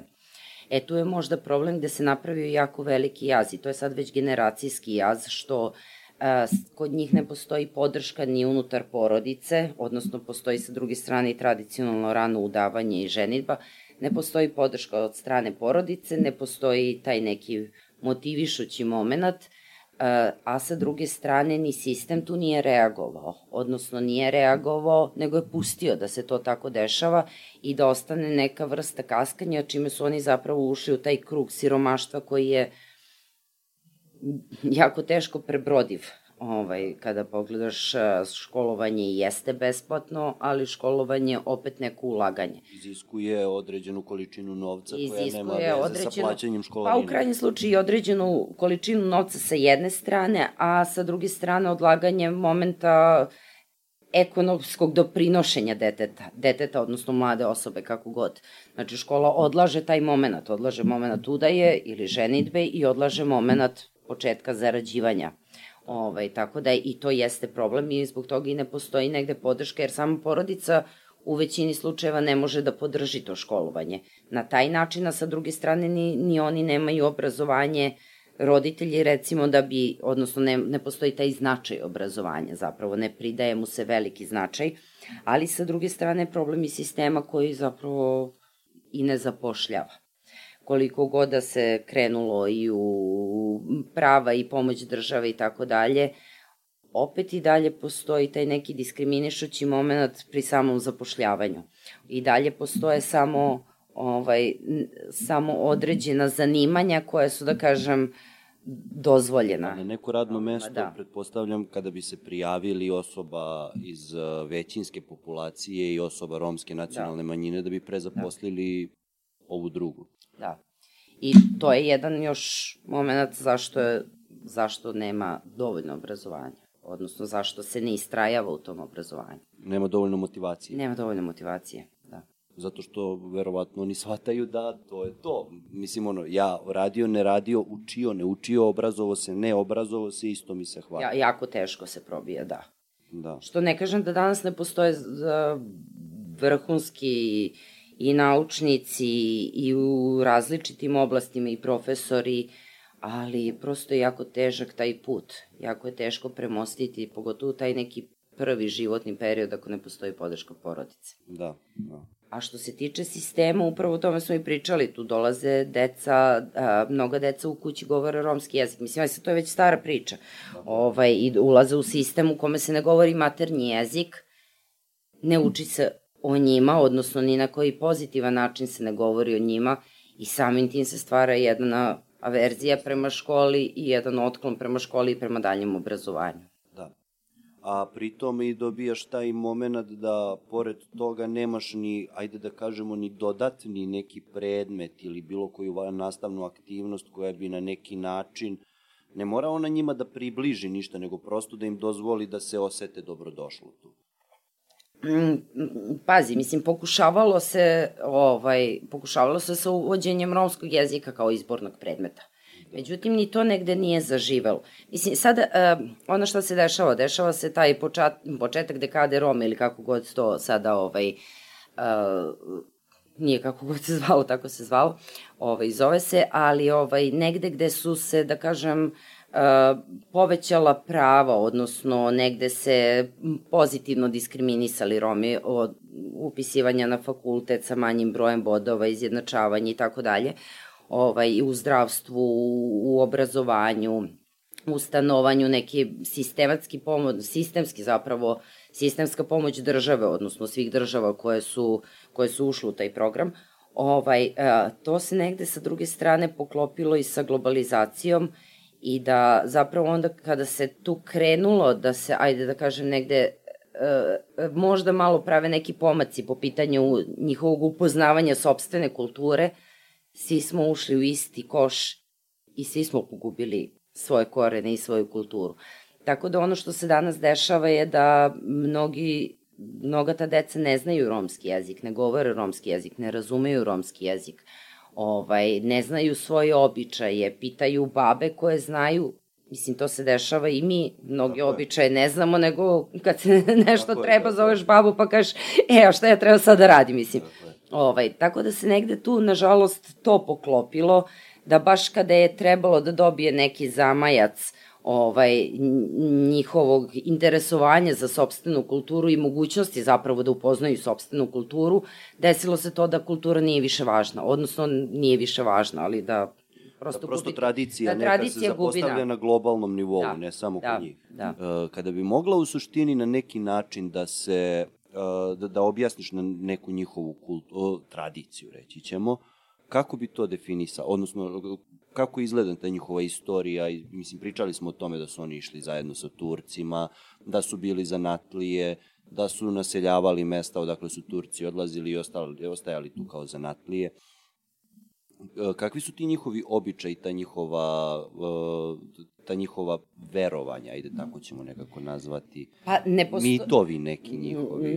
Nema tu mnogo mitova i verovanja, mislim, u suštini dosta toga je isprepletano, zaista dosta toga je isprepletano, jako malo toga je autentičnog, ovaj, upravo zbog toga što se putovalo i skupljalo iskupljalo ovaj, i negde se preplitalo i možda se izgubila ta neka autentičnost, ovaj, više možda možemo da govorimo o nekoj prilagođenosti ovaj, kao što imamo srpsku cigansku muziku, rusku cigansku muziku, rumunsku cigansku muziku, je tako imamo i te neke običaje koje imaju ovaj, neke primese, da kažem, svih ostalih kultura koje, odnosno podneblje u kome žive, u kome su se najduže zadržali i nastanili. Ono što je baš karakteristično su Bibija, recimo tetkica Bibija, koja je baš karakteristična samo za Rome, ovaj, nešto što bi možda mogli da kažemo da je pa na našoj ovaj, svetoj petki, ona je zaštitnica majke i dece, i nju slave svi, i muslimanski i hrišćanski Romi, ovaj, s tim što u različitim periodima. Muslimanski recimo skoro ceo februar, a hrišćanski ovaj, treće nedelje u martu. Tako da ovaj, e, to je nešto što je baš autentično i romsko, da kažem, baš njihova svetica. Ovaj, tu postoji zanimljiva legenda gde je zapravo žena sišla za vreme kuge, ili, odnosno čume, i pokušala kucala na razna vrata. Ona je bila sa dva jagnjeta, niko nije hteo da otvara jer je vladala kuga, svi su se plašili i jedan čovjek je otvorio, rekao ja sam tu sa šestoro deci i bolesnom ženom, ali nema veze, uđi. Dao je da prespava i njoj i jagnjićima dao da jedu poslednju koru hleba i ona je rekla, e tako reci svim rojima da treba da dočekaju svoje goste i ovaj, deca će ti ozdraviti, a vi mene slavite i to je ostala priča koja se slavi uz krušku, okupe se oko kruške i to je slava recimo celog naselja zapravo i prenosi se sa porodice na porodicu. Svake godine druga porodica je domaćin. Ovaj, ono što je isto karakteristično je recimo romski sud ovaj, koji još ostao iz perioda kada su bili robovi u Rumuniji, pošto u Rumuniji do negde sredine 19, sredine 19. veka su zapravo Romi bili robovi. Ovaj, I ostaje taj interni sud i on je zanimljiv. Recimo da ovaj, to je sud gde dva najuglednija člana zapravo sude. Ovaj, uglavnom su to problemi sa novcem, razvodom, kome će pripasti deci i tako dalje, sve znači neki interne probleme, za to postoji sud gde oni dođu, nema žalbe. Znači ono što sud presudi, to ti je to. Ovaj, i braniš sam sebe, znači sami sebe brane, odnosno oni ispričaju svoju priču, druga strana ispriča svoju priču, koliko ko se odbrani, odnosno koju presuda se donese, to se poštuje. I to se zaista i danas poštuje, jedino za ubistva se angažuje gađa, odnosno zvaničan sud. Ovaj, I u nekim, u mnogim mestima se zapravo još uvek poštuje taj romski sud. Sada opet svi su zagazili u neku drugu priču, pa sad i prava i tužbe i pritužbe i tako dalje, ali jako dugo je to, je to bio, da kažem, o, vrlo ozbiljan i vrlo šta bi rekla? Dobro, način presude. način presude, da. Ovaj, eto, to je recimo onda Vasilica koju smo pomenuli isto, tu je zanimljivo koliko se opet sličnih stvari prepliće. Počinje 13. završava se 17. januara. 13. januar, pravoslavna srpska nova godina, ovaj, tako što dolazi prvi dan kolje se guska, to smo isto pomenuli, guska kao važan simbol ovaj, romske zajednice, i ovaj, kolje se guska i uveče se jede, jedu te iznutrice, sutradan dolazi dete sa drvetom, znači kao položajnik u stvari, ovaj, kucka i sve članovi, kaže Bahteli Vasilica, odnosno srećna Vasilica, to je okićeno zlatom, crvenom trakom i tako dalje, ovaj, i proslavlja se isključivo u krugu porodice. Ovaj, da bi tek sutradan se pravila pogača opet sa novčićem, što je opet slično ovaj, kao i za naš Božić. Ovaj, I lomi se ta pogača i to drvo se zabade i namenjuje se nekome ko ko je možda najzaslužniji u toj zajednici ili u porodici za njegovu sreću, blagostanje i tako dalje i onda se tek sledeći dan ide u goste, zovu se gosti i tako dalje. Tako da tu postoje elementi drvo kao badnjak, mislim slično kao badnjak, pogača sa novčićem. Elementi koji su preuzimali iz naše ovde tradicije i neke kulture. da. Ovaj, I to je ta ciganska novogodina koju smo u krajnjem slučaju mi za vreme komunizma koristili da bi slavili našu novu našu, zato se i zove ciganska nova godina, jer Da, Prosto pa- nije bilo dozvoljeno da se slavi srpska nova godina i onda kao šta radiš slavim cigansku novu Tako je. godinu. Pa da. dobro, mi, mi smo inače narod koji se u svemu snađe. Snađe, da. Nađemo Da. svaku rupicu Da, da, da. u zakonu, tako da... Da. Ali dobro, znaš šta, e, u suštini ono što sam ja gledao, e, odnosno ono što sam uspeo da čitam od njihovih tih pesama, od njihove te poezije, ono što oni generalno, o čemu oni pričaju, uglavnom jeste to neko neprihvatanje i to neko osuđivanje na osnovu te neke boje kože. A, koliko god ti sad, e, ti, ta njihova tradicija i ti njihovi običaji bili drugačiji od naših, oni su sa neke druge strane a, slični, da ne kažem komplementarni, gde ti imaš, e, kao što si rekla, to drvo koje je komplementarno sa našim badnjakom ili tako neke stvari, Uh, mi smo spremni da, o, mislim da ta osuda ide na nekom površnijem nivou od same te tradicije, običaja ili da to ide na nivou boje kože ili drugačijeg načina govora našeg jezika, jer to ti ono, oni kući govore maternji jezik koji je apsolutno, koji je drugačiji od našeg i samim tim oni moraju da prilagođavaju svoj akcenat našem jeziku, što nije uvek najsrećnije izvedeno. Tako da, uh, ono što sam čitao nje- nekih pisaca, gde oni, pesnika, pisaca, jeste to da oni uh, stalno govore o tome da on, gde god se pojavio, ta, ta njihova boja kože će uvek biti njihov identitet neki i nešto na osnovu čega će ga ljudi osuđivati, ako ništa drugo. Pa dobro, da, svi smo mi skloni, mislim, stereotipima neki mi, ovaj, i vrlo su rasprostranjeni i vrlo su uvreženi, mislim, stereotipi imaju i tu afektivno-emotivnu komponentu koja, ovaj, koja je vrlo jaka. Ovaj, tako da mi već a priori negde usvajamo da su, ne znam, italijani veseli, nemci hladni i tako dalje. Španci topli. Španci topli, vatreni, Da, da, da. Ovaj, tako da i ovde kod nas postoji neko, da kažem, uvreženo mišljenje o Romima, ali ovaj, uh, upravo zato mislim da baš treba da se mm, negde ne favorizuje, ali da postaju vid- vidljivi pozitivni primeri, ovaj, jer ih je jako puno, ali su jako malo vidljivi. A zašto se to pojavljuje stalno kroz pesme? Pa to jeste neka iskonska bol i iskonski osjećaj neprihvaćenosti koja a priori, koja ne zavisi od toga šta si ti uradio ili kakav si bio ili Znaš, ovaj, ko što su i nas gledali 90-ih gde god se pojavimo u svetu, znaš, to je bila prosto neka medijska slika, ovo je neka narodna slika, da kažem, mislim. To je ono da ti imaš ogromnu tendenciju kao neko koji je određeno vreme bio žrtva ogromne diskriminacije, postaneš osoba koja na direktan način diskriminiše nekoga. A, pa jeste, da.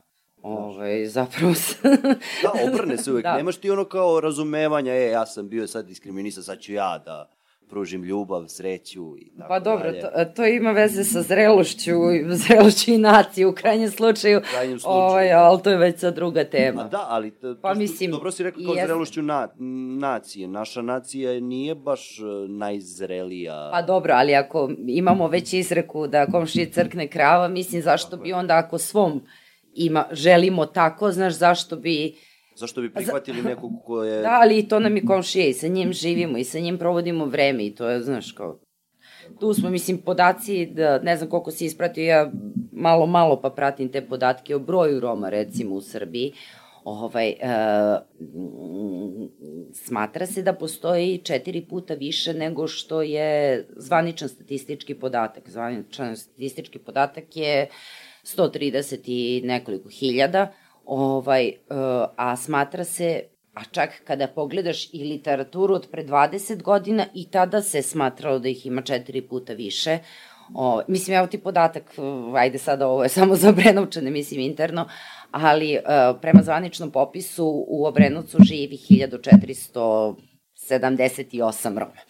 I sada ti izađi, prošetaj po trgu i shvatit ćeš da, da si 10% video. Tako je. Znaš, mislim, ovaj, to su zaista... Gde svaki četvrta naj, koja prođe... Najočiglednije omaška u, u samoj statistici, odnosno pitanje da li je... U, u izjašnjavanju.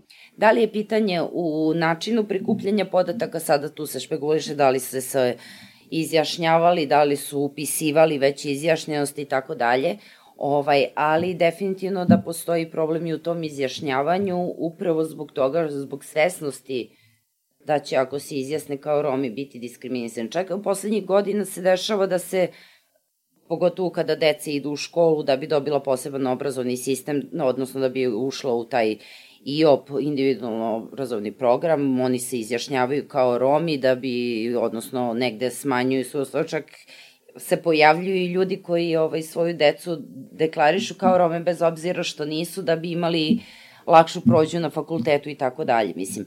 Ali sa druge strane i dalje postoji uvreženo to da ne treba govoriti o svom identitetu. Ja recimo, ja postoje ove devojčice koje ovaj, stalno srećemo na ulici, lepa, lepa. Da, da. Ovaj, I sad ja često sedem sa njima, stavim ih tamo u kafić, uzmemo sokić i pričamo.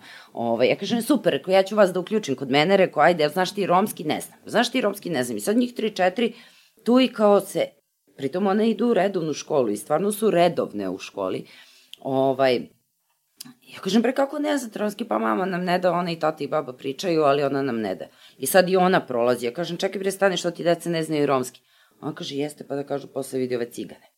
Znaš, e onda se zapitaš, znaš, čekaj, uh, uh, zašto imaš potrebu da poništiš svoj identitet? Z, z, znaš, onda shvatiš u stvari koje, kakva je situacija, da, da ljudi imaju potrebu da ponište svoj identitet da bi se deklarisali na drugi način, da bi izbegli tu neku vrstu diskriminacije i stigmatizacije. E, tu je problem, znaš, kao, zašto umesto da, da budu ponosni i da čuvaju i da o, očuvavaju, mislim, ni mi to ne radimo više, Tako ruku pa... na srce, mislim, ni, ni, ni današnje mlađe generacije to više ne rade, ali opet, znaš, gaji svoj jezik, jer jezik je zapravo Tako je. Ono što jeste. A pogotovo zato što kulture. se na neki način tim njihovim jezikom, jer kao što već rekao smo, ti nemaš neke knjige, uh, sad, da li su oni da li ih nisu pisali ili su te post, prosto knjige nestale u tom nekom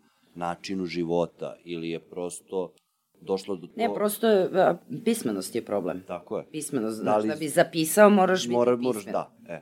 A, a oni su, znači, ta njihova kultura i tradicija je nekako ostala na nivou usmenog predanja nekako. I samim tim još podložnija prilagođavanju, podložnija prilagođavanju tako je, jer da. sve što je na nivou usmenog predanja je podložno, uh, podložno promeni na ličnom da. nivou. Da Tako da, mislim, onda će sutra ta deca nekome to usmeno predanje će izgledati tako što romski jezik ne postoji.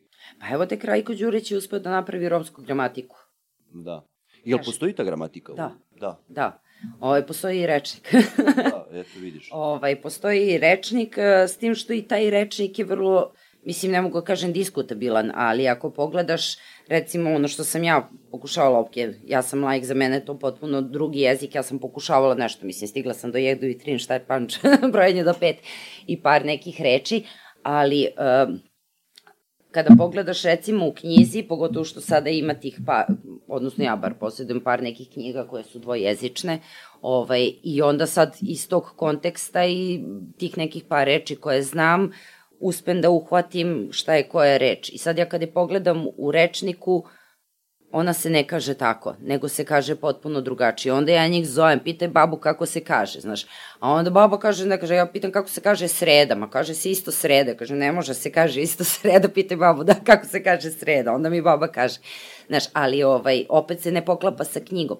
E tu je sada problem sa tim jezikom, ali da, napravio je Rajko Đurić je zaista sistematski vrlo radio ovaj, on se smatra jednim od najobrazovanijim i najuglednijih Roma u Evropi.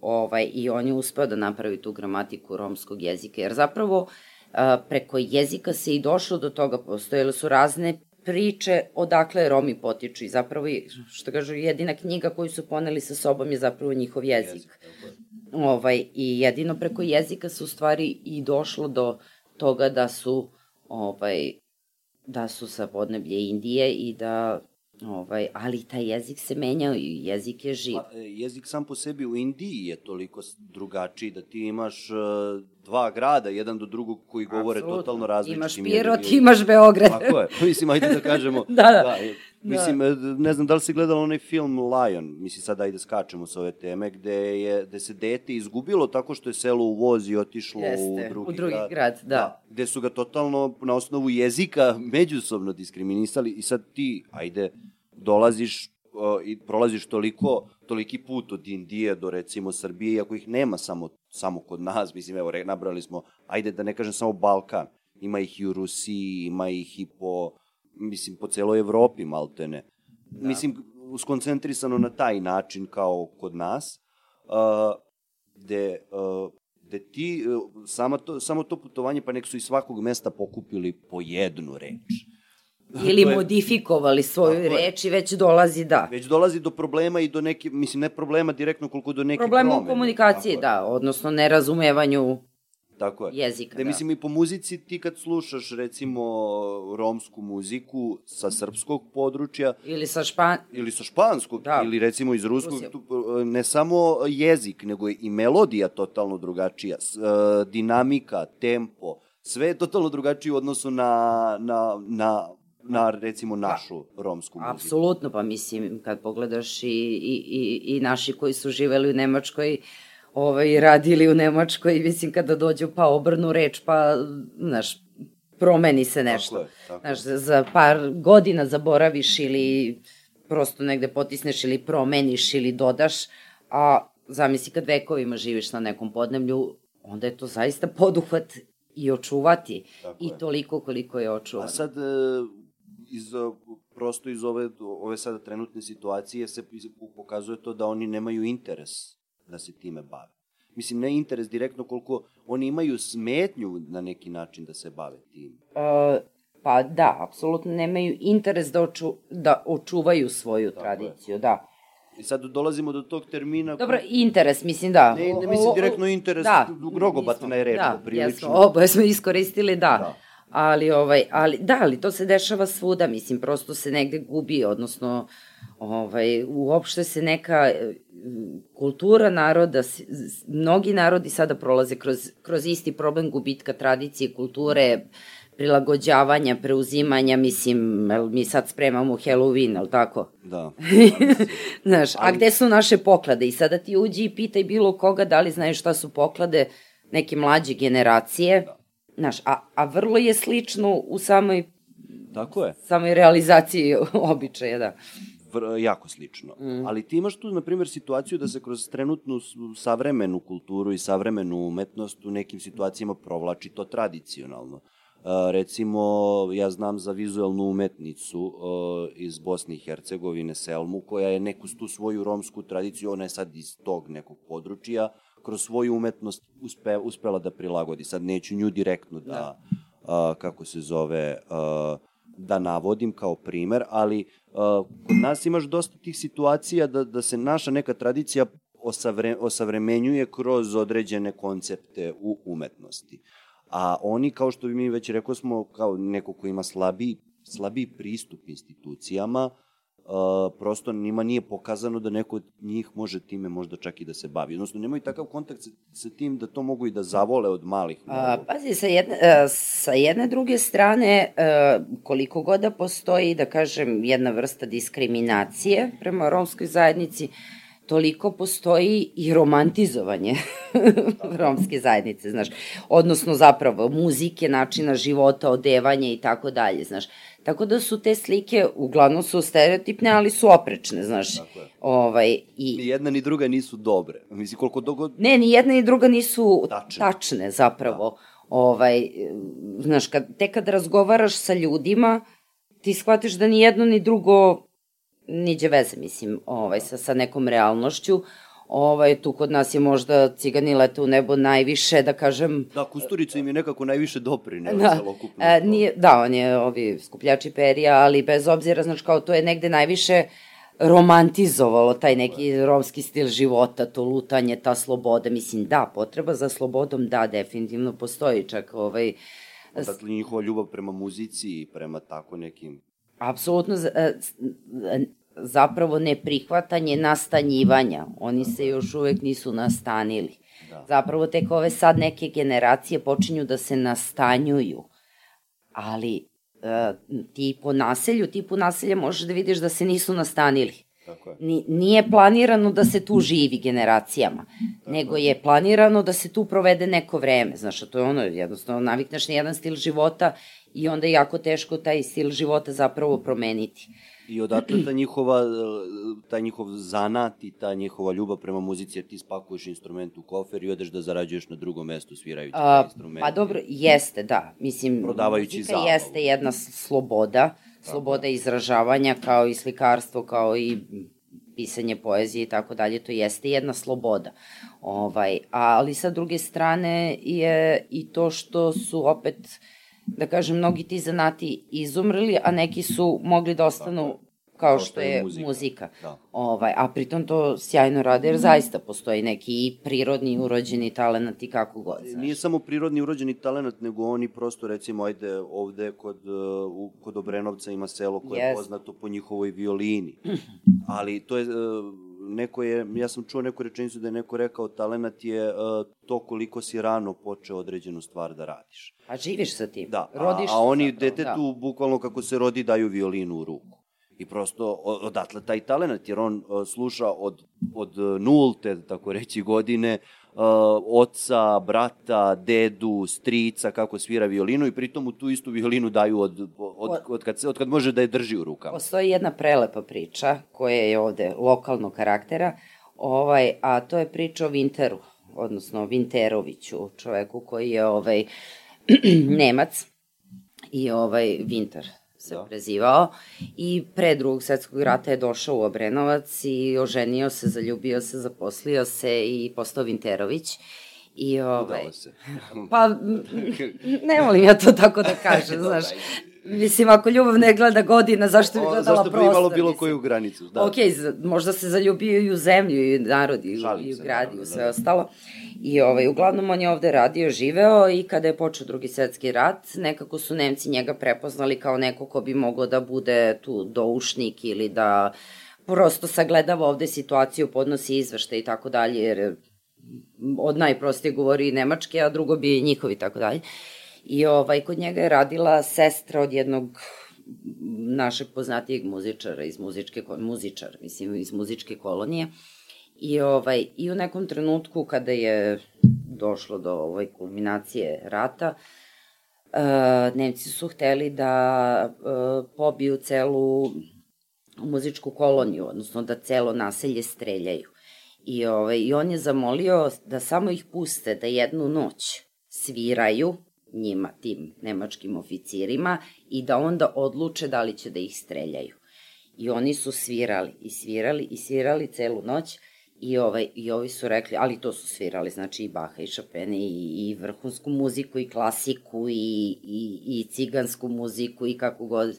Znači celu noć je to bilo i oni su ipak odlučili da ih ne streljaju. Ostavili su ih u životu jer su bili zapanjeni talentom njihovim, odnosno načinu na koji prenose tu emociju za da. muziku moraš da imaš i emociju, da se Tako razumemo, je, da. mislim. E, a to je ono što je kod ovaj. njih jako... Hoću nastavim, da, da, priču. Da, da. Ovaj, uglavnom, poštedili su celu muzičku koloniju, ovaj, kada je prošao rat, kada se završio rat, naši su naravno osudili Vintera da je sarađivao sa okupatorom, ovaj, e, zatvorili su ga u Valjevu. Cela muzička kolonija, celo naselje se organizovalo peške i išlo do Valjeva da traži da se pusti Vinter zbog toga što je spasio zapravo naš, naš narod.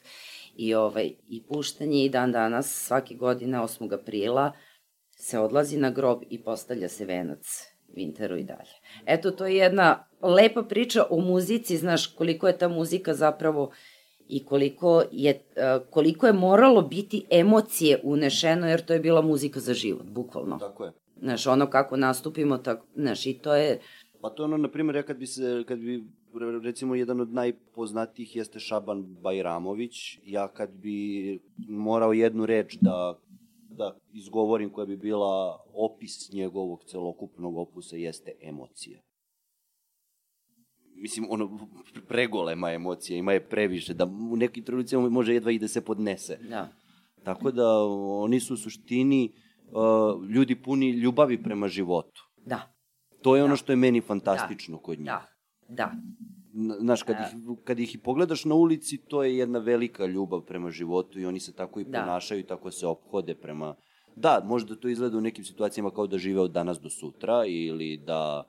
Ali kao, Dobro, briga. ali, ali šta je ispravno? Tako je. Znaš, šta je ispravno? Znaš, mi svi zarađujemo da bi išli na kurseve kako živete u, u ovom tako trenutku. Je. Tako je a zapravo oni žive u ovom trenutku. Znaš, to je ono, danas imam, sutra nemam, preko sutra biće, nakon sutra neće biti, znaš, ali zapravo žive svaki trenutak. Da. I ti ćeš mnogo više njih da vidiš da postoje i problemi, da postoje i bolesti, da postoje, mislim, kad sam gledala prošli, prošli popis, prosečna starost 28 godine. E, znaš, to su zaista ozbiljni problemi gde opet treba sistemski raditi na tome, Ja kao neko ko radim na kardiohirurgiji, uh, mislim, dosta pacijenata koji se operišu kod mene jesu pripadnici uh, romske nacionalne manjine i to su uglavnom poprilično mladi ljudi, ono što mogu da kažem. Mislim, on, kod njih je to opšte poznato da je, mislim, kao kraći neki... Kraći životni kraći vek, životni da. vek.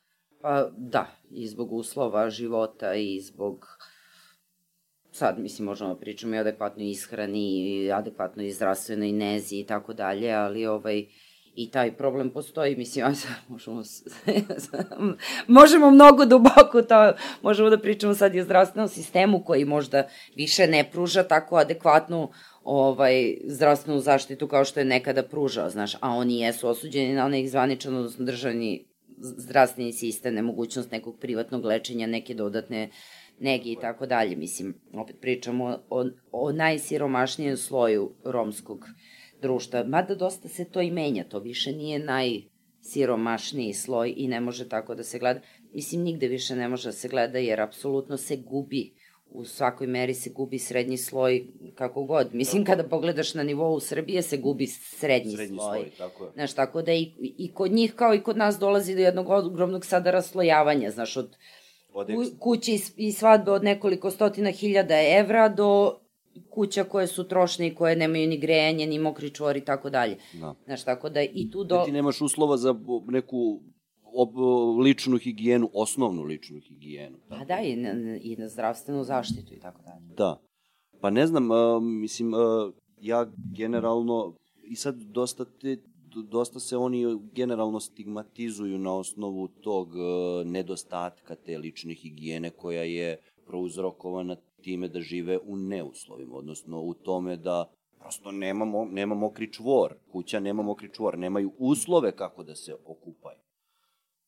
Tako da to je ono, mislim, jedan od problema i celokupno našeg društva. Mislim, nije to sad ta, e, ta njihova diskriminacija što, su mi, što mi je ta knjiga na neki da. način potvrdila, jer ovaj Hrvatska je već u Evropskoj uniji, recimo. Uh, to ne znači da ima manje problema. tako, možda čak i obrnuto. Uh, generalno gledano, znači isti problem kao i kod nas postoji i tamo, i u Rumuniji, i u Bugarskoj, i gde god se oni nastane, oni imaju određenu vrstu te problema. Ali samo se u nekim državama više priča o tome. Pazi, mislim, a, a, to je problem koji a, zatiče svaki siromaša narod. Da.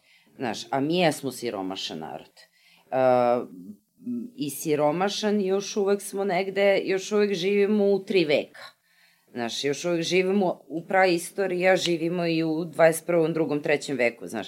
Ovaj, I dalje žive ljudi u kućama napravljenim od blata. Moja prababa je imala svoju kuhinju koja je imala blatnjavi pod i smederevac na kom je kuvala. Znaš, i ti sada kad pogledaš po Srbiji, još uvek dosta tih kuće ima koje su funkcionalne i koje postoje, a sa druge strane, znaš, gde je otišla tehnologija. Tako je isto, znaš, i mi jesmo u suštini negde, opet sam izgubila nit sada. Ne, ne, ne, samo, samo nastavi. samo nastavi. Da. Ovaj, mi jesmo generalno siromašan narod i u svakom siromašnom sloju ćeš ti naići na to. To nema veze sa Romima, nema veze sa Indijom, nema veze... To uh, pogledaš u svakoj zemlji u kojoj u kojoj postoji, a u svim zemljama postoji najniži sloj, ima najveći problem. E sad je pitanje kako se država sa tim bori. Znaš, koliko daje pomoći, koliko ulaže u stanovanje, koliko ulažu u obrazovanje, koliko ulažu u zdravstveni sistem, koliko ulaže u zapošljavanje uopšte i u to da se prebrode te neke distance i da se prebrodi ta neka... Kako određena zemlja tretira svoje ugrožene... Jeste. Kakav nam je socijalni program? Ovde je možda počelo u najgore, mislim u najgorem, kod nas je uvek najgori trenutak, ali ovaj, da, da ne postoji da, da, kod nas nikada ne postoji dobar trenutak, ali ono što se krenula, recimo krenulo se sa pozitivnom diskriminacijom. Ovaj, ajde sad da se držimo za, samo na obrazovanju. Uh, uh, uveo se zakon gde romska deca imaju pravo upisivanja fakulteta bez poena ili sa manjim brojem poena i tako dalje, bez prijemnog ispita. Sad, da mi nemamo problem, mi ne bi imali problem, a zašto oni imaju, a mi nemamo? Ali i mi imamo problem, i mi imamo problem siromaštva, i onda zašto bi nam neko uzimao radno mesto? Tako je. Znaš, da, da smo mi bogat narod koji je samo zadovoljan svojom ekonomskom situacijom, da naravno da bi možda imali svest o tome da treba i ostali. I u krajnjem slučaju što je manji socijalni problem, odnosno što manje ima slučajeva, socijalnih slučajeva, to će u krajnjem slučaju svima ostalima biti bolje, jer samim tim država neće odvajati za socijalnu pomoć. Nego će ovaj uzimati porez. Neko će uzimati porez, da. A, ovo je sad ideja. Da, kao, Predizborna kampanja, Kako sam se da. ja toga setio, da, bravo Kolumbo. Suzbimo, suzbimo siromaštvo da bi... Da bi uzimali porez. Da, da bi država bila bogatija. A vaj, mislim, to nije uopšte komplikovana ali ne, stvar. Ali mislim, to jeste. ja, to onda zna svako. Mislim. Da, ali jeste, mislim, to je, znaš, kao, vrlo, vrlo prosti i jednostavna stvar, znaš, kao suzbiti siromaštvo da bi... Da bi država sama po sebi imala više, jer uh, nećeš ti tako što ćeš nekome, mislim, oduzeti... Nema to altruizma. da, okej, okay. da, izađemo iz tog okvira, da. Luka, ono, lupi sebi mentalni šamar.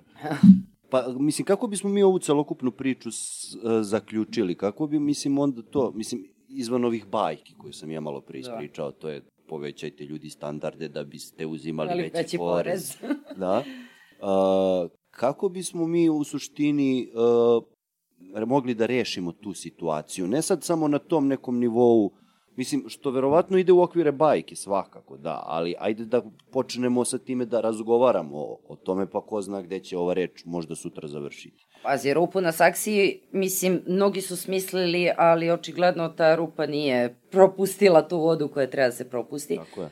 Ovaj, ali mali koraci, zapravo lični koraci. Eto, samo su dovoljni lični koraci u smislu lične zainteresovanosti, lične promene viđenja, lične promene doživljaja, e, zainteresovanost, ljubav i otvorenost. Eto, to je po meni sasvim dovoljno da svako od nas kao pojedinac Tako je. napravi taj mali korak i da detetu priđe kao detetu čije god da je to dete, to je dete koje istu potrebu ima, znaš, nema manju potrebu za pozorištem, doživela, znaš, nema manju potrebu za pokazivanjem, nema manju potrebu za učenjem. Znaš, čak smo Dunja, ja, Iva, ne znam, uhvatili smo pa smo ih spremali za, za, za, za prijemne ispite. Znaš, i dobili su želju kad su shvatili da je to jednostavno, da to nije tako komplikovano. Znači, neko im se posvetio, objasnio im, iskapirali, kao pa ovo je jednostavno. Pa da, ali treba neko da sedne da ti posveti vreme. Da. da kaže, ne, ti nisi išao u prečkolsko ili celo obdanište, nisi naučio da računaš, nisi naučio slova, a sve će te to škola naučiti, Došao si u školu, škola kaže sad ja da te učim, da ti posvećujem vreme. Tako je, navikava. Znaš, prosto, e onda je tu samo ljubav i strpljenje. Tako je. Znaš, a, a potencijal postoji. Greška je možda što svi misle da potencijal ne postoji. Zapravo potencijal postoji i to ozbiljan i to se sada dokazuje upravo kroz te slikare, pisce, muzičare, Neke doktore sada kroz te neke poznajem. doktore. Ovaj, potencijal postoji, samo ga treba prepoznati i nego, negovati, da. Ali e, to je ono, mislim, e, to je neko moje mišljenje o celokupnom sistemu. Nema to veze sad samo a, vezano za njih, da promene nekako ne kreću globalno. Mi sad imamo ideju, e, ajde mi da repromenimo globalno. ne, možemo, ne možemo mi da promenimo. Tako je, ali mi Znaš, možemo da... da Može jedina stvar koju... osob može Tako sebe je. da promeni. Pa to je jedina Ali stvar na koju sada- možemo da utičemo. Mi sada dolazimo do diskriminacije deteta koje nema telefon koji košta koliko treba ili koliko drugarima košta ili nema patike ili nema... Znaš, i tu dolazi do toga da se ta deca maltretiraju, da se bez obzira što i nisu Romi, nego imaju prosto lošiji telefon ili lošije se oblače ili ne mogu sebi nešto da priušte. Pa već sada smo postali do, toliko zli da, Da, da nam deca postaju zla. tako je. Znaš, deca nam postaju zla i to je, to je veliki problem. To je, to je ono što svako osob treba da se zapita. Znaš, a sistem će se promeniti ili će se sistem promeniti ili će se sistem promeniti. Znaš, onda kada se pojedinac promeni. Pa, to je jedina stvar na koju mi možemo da utičemo. Jeste ja sam, ja, ja u okruženju. Ako kreneš od sebe, mislim, e, poprilično je dvolično tražiti od si- sistema da se promeni, a da ti nisi... Ne, ja sam lepo akcentovala, ja Da. mislim. Da, da, jeste. Sistem će se ili promeniti ili promeniti. Znaš, Ne postoji... zameniti, odmeniti, kako Tako je. god. Znaš, ali ako mi vidimo gde nas vodi ovo. Tako je. Tako da, mislim, jedina stvar jeste, e, ajmo malo više ljubavi prema... Pa jeste, ali nemamo mi više ni vremena ni strpljenja za ljubav. Da. Znaš, to je problem. Što više se nema, kad je ugrožena egzistencija, znaš, hjerarhija potreba. Tako je, prvo idu animalni Prvo idu animalni instinkti da se zadovolje hrana, voda, ovaj, biološki potreba, tek onda idu ide sve sledeće ono. i duhovne, a duhovne su negde Duhovne su zanemarene. baš daleko, baš Da. daleko u odnosu na, na one, mislim na to se u suštini, ali nećemo više u politiku, ali na to se ide, znaš, kao ugrozi elementarne, dok se ljudi bave elementarnim, Ti neće ni razmišljati o, Tako. o nekom višem i duhovnom razvoju. Tako je. Ništa ljudi prvo pun- reći zavadi pa vlade. Da, ništa ljudi prvo punite srce pa onda stomak. Eto. A, A? mislim da će to biti dobar zaključak Aha. svega ovoga. Sjajno. Da. Ništa, Jeco, hvala ti. Hvala Šta da tebi. ti kažem, bilo mi je zadovoljstvo pričati sa tobom, a mi se družimo i dalje, posle ovoga u kafani. Zašto svaki podcast moram završiti sa tim idemo u kafanu? E, znaš zašto? Zato što... Zato što stvarno odeš u kafanu. Kira. Da, stvarno odeš u kafanu, ali zato što si izdao. Znaš, zato što se sećaš kako je bilo dobro u kafani. Da, dobro i dalje je dobro, ali se samo ne pije više. Ja hoću cigaru. Ajde. Ajde, ajde. ajde. Thank you.